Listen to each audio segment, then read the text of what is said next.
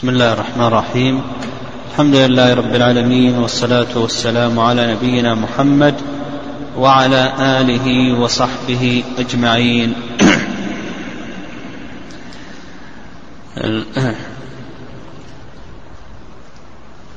تقدم لنا بعض الأحكام الوضعية وذكرنا من ذلك الصحيح والباطل.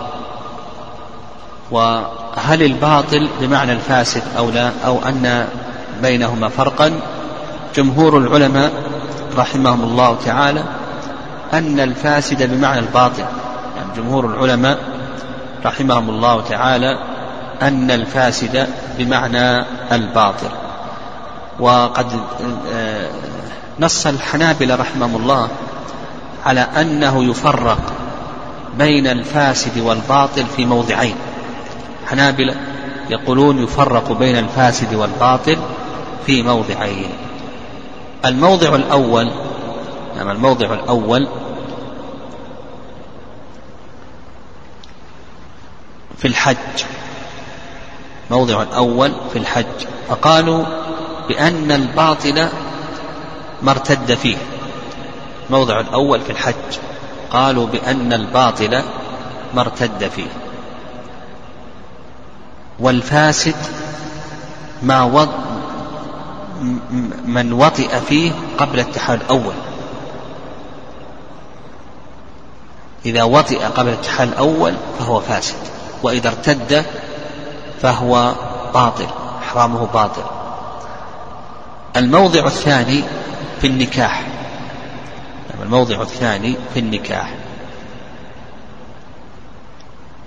فالباطل ما أجمع العلماء على بطلانه.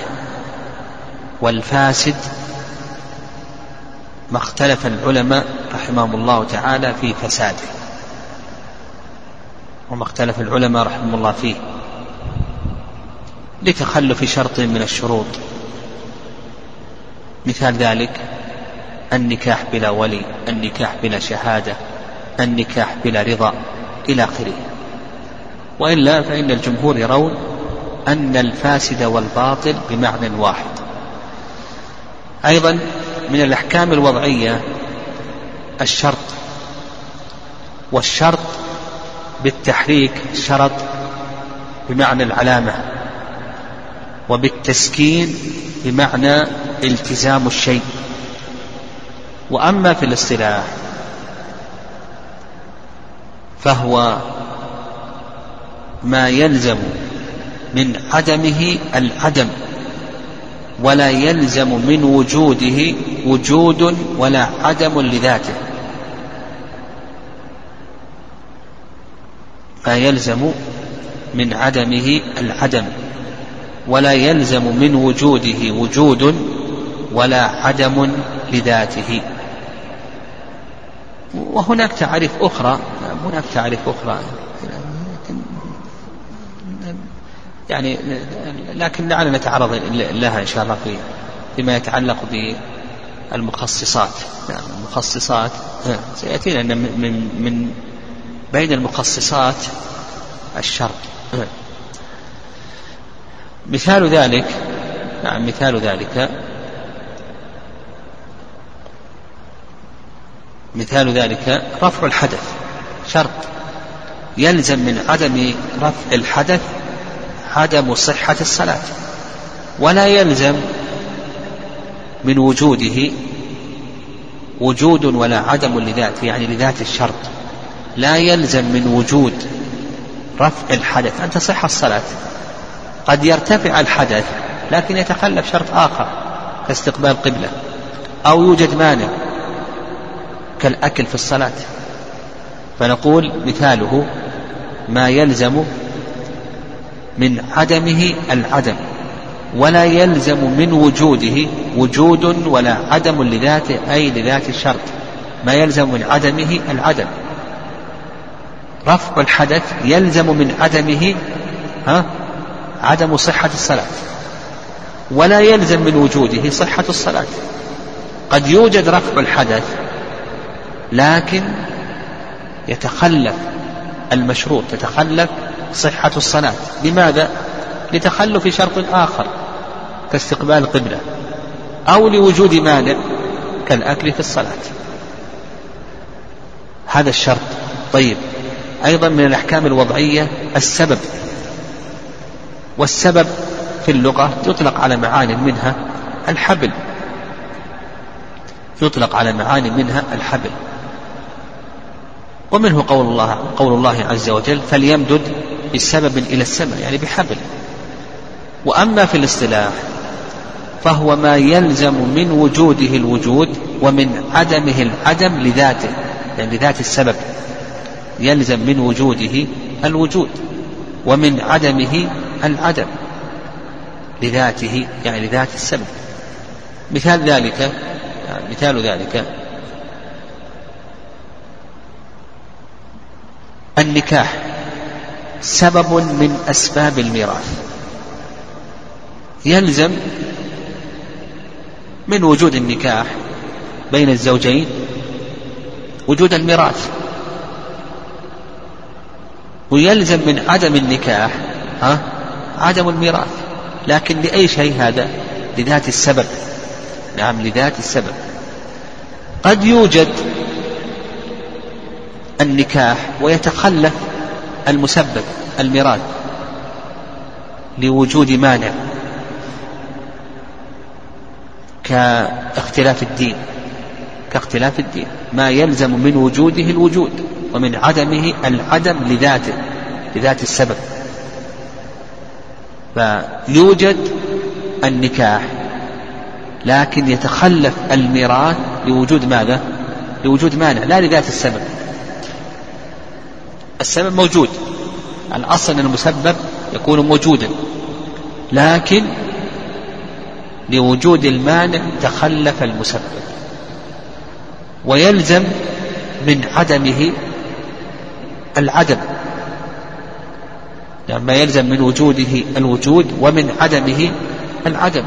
إذا عدم السبب عدم المسبب. أيضا من الأحكام الوضعية. نعم وأيضا كما قلنا من عدمه العدم لذات السبب. قد ينعدم السبب وينعدم المسبب. وقد ينعدم السبب ويوجد المسبب. قد ينعدم النكاح توجد القرابة سبب آخر فيحصل بها التوارث. فقولنا لذاته يعني لذات السبب الموجود المعين. أيضا من الأحكام الوضعية المانع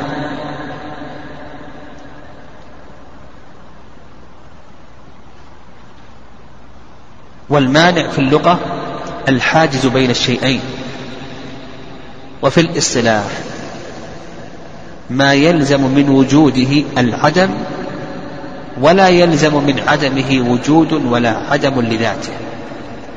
المانع في اللغة الحاجز بين الشيئين. وأما في الاصطلاح فهو ما يلزم من وجوده العدم. ولا يلزم من عدمه وجود ولا عدم لذاته يعني لذات المانع. فيلزم من وجوده العدم إذا وجد القتل انعدم الميراث. إذا وجد الأكل في الصلاة انعدمت صحة الصلاة.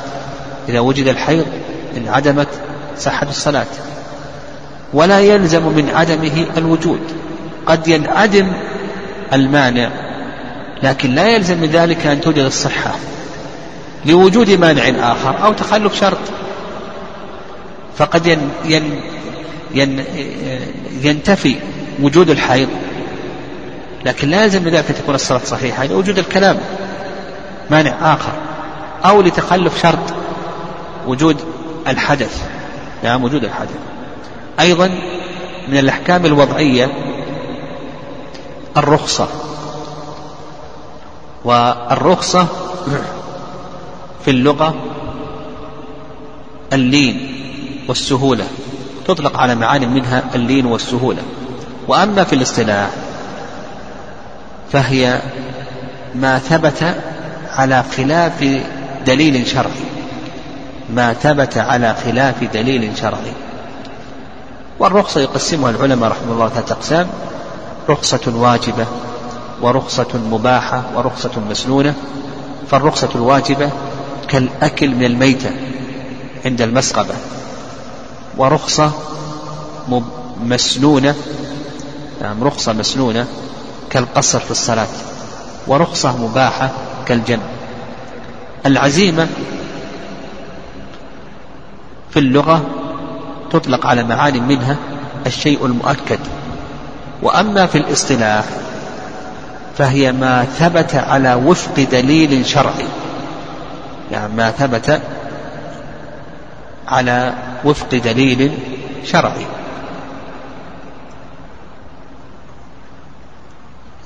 ما ثبت على وفق الدليل الشرعي فهذا عزيمة. نعم هذا عزيمة. مثل وجوب الصلاة. هذه عزيمة مثل وجوب الزكاة إلى آخره هذه عزيمة. أيضا من الأحكام الوضعية الأداء والقضاء والإعادة. الأداء هو فعل العبادة في وقتها القضاء هو فعل العبادة خارج وقتها. الإعادة هو فعل العبادة في وقتها مرة أخرى.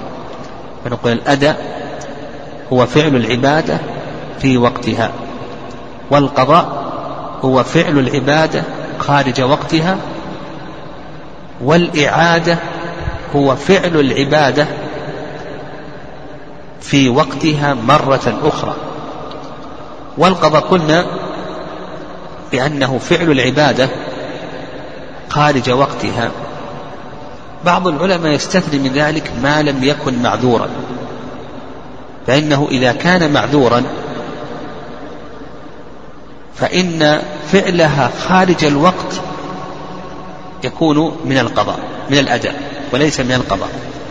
ويدل لهذا قول النبي صلى الله عليه وسلم في حديث أنس من نام عن صلاة أو نسيها فليصلها إذا ذكرها. لا كفارة لها إلا ذلك. فهذا هو وقتها. نعم. وأقم الصلاة لذكري يعني حين التذكر. فهذا هو وقتها بالنسبة للمعذور. بسم الله الرحمن الرحيم والصلاة والسلام على نبينا محمد وعلى آله وصحبه أجمعين. قال الشيخ ابن سعدي رحمه الله تعالى في منظومته وغفر له ولشيخنا والسامعين. فصل الأدلة التي يستمد منها الفقه أربعة الكتاب والسنة وهما الأصل الذي خوطب به المكلفون وانبنى دينهم عليه والإجماع والقياس الصحيح وهما مستندان إلى الكتاب والسنة فالفقه من أوله إلى آخره لا يخرج عن هذه الأصول الأربعة. وأكثر الأحكام المهمة تجتمع عليها الأدلة الأربعة. تدل عليها نصوص الكتاب والسنة ويجمع عليها العلماء ويدل عليها القياس الصحيح. لما فيها من المنافع والمصالح إن كانت مأمورا بها ومن المضار إن كانت منهيا عنها والقليل من الأحكام يتنازع فيه العلماء وأقربهم إلى الصواب فيها من أحسن ردها إلى هذه الأصول الأربعة. شرع المؤلف رحمه الله تعالى في الأدلة قال الأدلة التي يستمد منها الفقه. قال الأدلة التي يستمد منها الفقه أربعة الكتاب والسنة وهما الأصل الذي خوطب به المكلفون وانبنى دينهم عليه والإجماع والقياس الصحيح وهو مستمدان من الكتاب والسنة. الأدلة جمع دليل وهو في اللغة ما فيه دلالة وإرشاد إلى أمر من الأمور. الأدلة جمع دليل. في اللغة ما فيه دلالة وإرشاد إلى أمر من الأمور. وأما في الاصطلاح فالدليل ما يستدل بالنظر الصحيح فيه. ما يستدل بالنظر الصحيح فيه على حكم شرعي عملي على سبيل القطع أو الظن. ما يستدل بصحيح النظر فيه على حكم شرعي عملي على سبيل القطع أو الظن. والأدلة تنقسم إلى قسمين. القسم الأول أدلة متفق عليها وهي التي ذكر المؤلف رحمه الله أربعة الكتاب والسنة والإجماع والقياس. والقسم الثاني أدلة مختلف فيها وهي قول الصحابي والاستحسان والمصالح المرسلة وإجماع أهل المدينة وشرع من قبلنا والمصالح المرسلة إلى آخره. هذه أدلة مختلف فيها وهذه ستأتينا إن شاء الله. قال المؤلف رحمه الله تعالى التي يستمد منها الفقه أي تؤخذ منها الأحكام الشرعية العملية التفصيلية التي تتعلق بالمكلفين. قال الكتاب والسنة وهما الأصل الذي خطب به المكلفون وانبنى دينهم عليه والإجماع والقياس الصحيح وهما المستمدان من الكتاب والسنة. فالأدلة الشرعية الكتاب والسنة. الإجماع راجع إلى الكتاب والسنة. لأن الإجماع لا بد له من مستند من القرآن أو من السنة. ولهذا قال لك وهما مستند مستندان إلى الكتاب والسنة. الإجماع لا بد له من مستند من القرآن أو من السنة. والقياس. نعم القياس. القياس مسلك اجتهادي في حدود القرآن والسنة. فالإجماع والقياس مستندان إلى القرآن والسنة. فعندنا القرآن والسنة. الإجماع راجع القرآن والسنة لأنه لا بد له من مستند هذا الإجماع من القرآن أو من السنة وإلا لم يكن إجماعا صحيحا. القياس مسلك اجتهادي في النظر في الكتاب أو السنة إلحاق فرع بأصل في حكم لعلة جامعة. هذا في النظر في نصوص الكتاب والسنة. بل بعض العلماء يقول بأن هذه الأدلة الأربعة كلها ترجع إلى القرآن حتى السنة راجعة القرآن.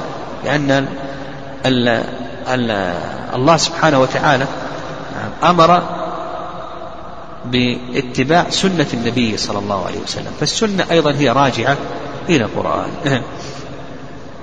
قال المؤلف رحمه الله تعالى فالفقه من أوله إلى آخره لا يخرج عن هذه الأصول الأربعة وأكثر الأحكام المهمة تجتمع عليها الأدلة الأربعة تدل عليها نصوص الكتاب والسنة والقليل من الأحكام يتنازع فيها العلماء.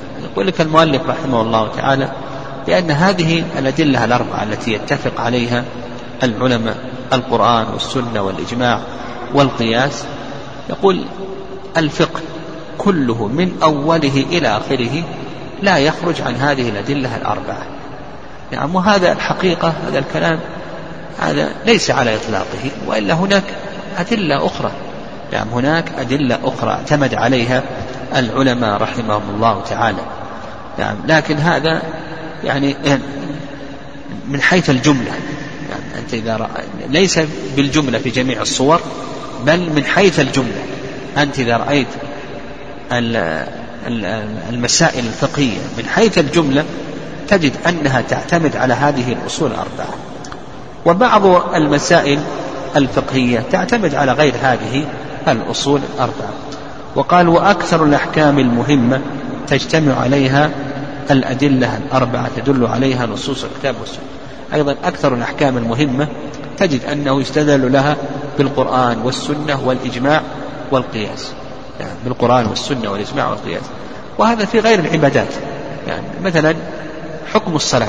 القرآن العلماء يقولون دين وجوب الصلاة القرآن والسنة والإجماع. الزكاة القرآن والسنة والإجماع الصيام إلى آخره. يعني فقال لك أكثر الأحكام المهمة تجتمع عليه هذه الأدلة الأربعة. القياس لسنا بحاجة إليه لأن النصوص واضحة في مثل هذه الواجبات. لكن بعض الأحكام أيضا المهمة والتي يجمع عليها العلماء رحمهم الله تعالى نحتاج القياس فيها. يعني نحتاج فيها إلى القياس. يعني في غير العبادات يعني نحتاج فيها إلى القياس. قال والقليل من الأحكام يتنازع فيها العلماء. وأقربهم إلى الصواب من أحسن ردها إلى هذه الأصول الأربعة. ويقول لك المؤلف رحمه الله بأن جل الأحكام المهمة يتفق عليها العلماء رحمه الله. وهكذا إذا إذا تأملت الشريعة تجد أن أصول الشريعة لا يتنازع فيها العلماء رحمه الله. يتفقون عليها. وإن كان يختلفون في بعض التفاريق. فجل ما يحتاجه الناس من الأحكام نجد أن العلماء يتفقون عليه. يتفقون على وجوب الصلاة والزكاة والصيام والحج وإباحة البيع والإجارة والشركة إلى آخره والمساقات والمزارع إلى آخره. يتفق العلماء رحمهم الله على هذه الأحكام وإن كانوا يختلفون في بعض هذه التفاريق. قالوا وأقربهم إلى الصواب من أحسن ردها إلى هذه الأصول. يعني أنت إذا تأملت خلاف العلماء رحمهم الله فإن مما يرجح بعض أقوال أهل العلم على بعض أنك إذا وجدت أن هذا العالم يرد هذه المسألة إلى كتاب الله وإلى سنة رسوله صلى الله عليه وسلم أو إلى إجماع العلماء أو إلى القياس الصحيح فهذا مرجح من مما يرجح به قوله.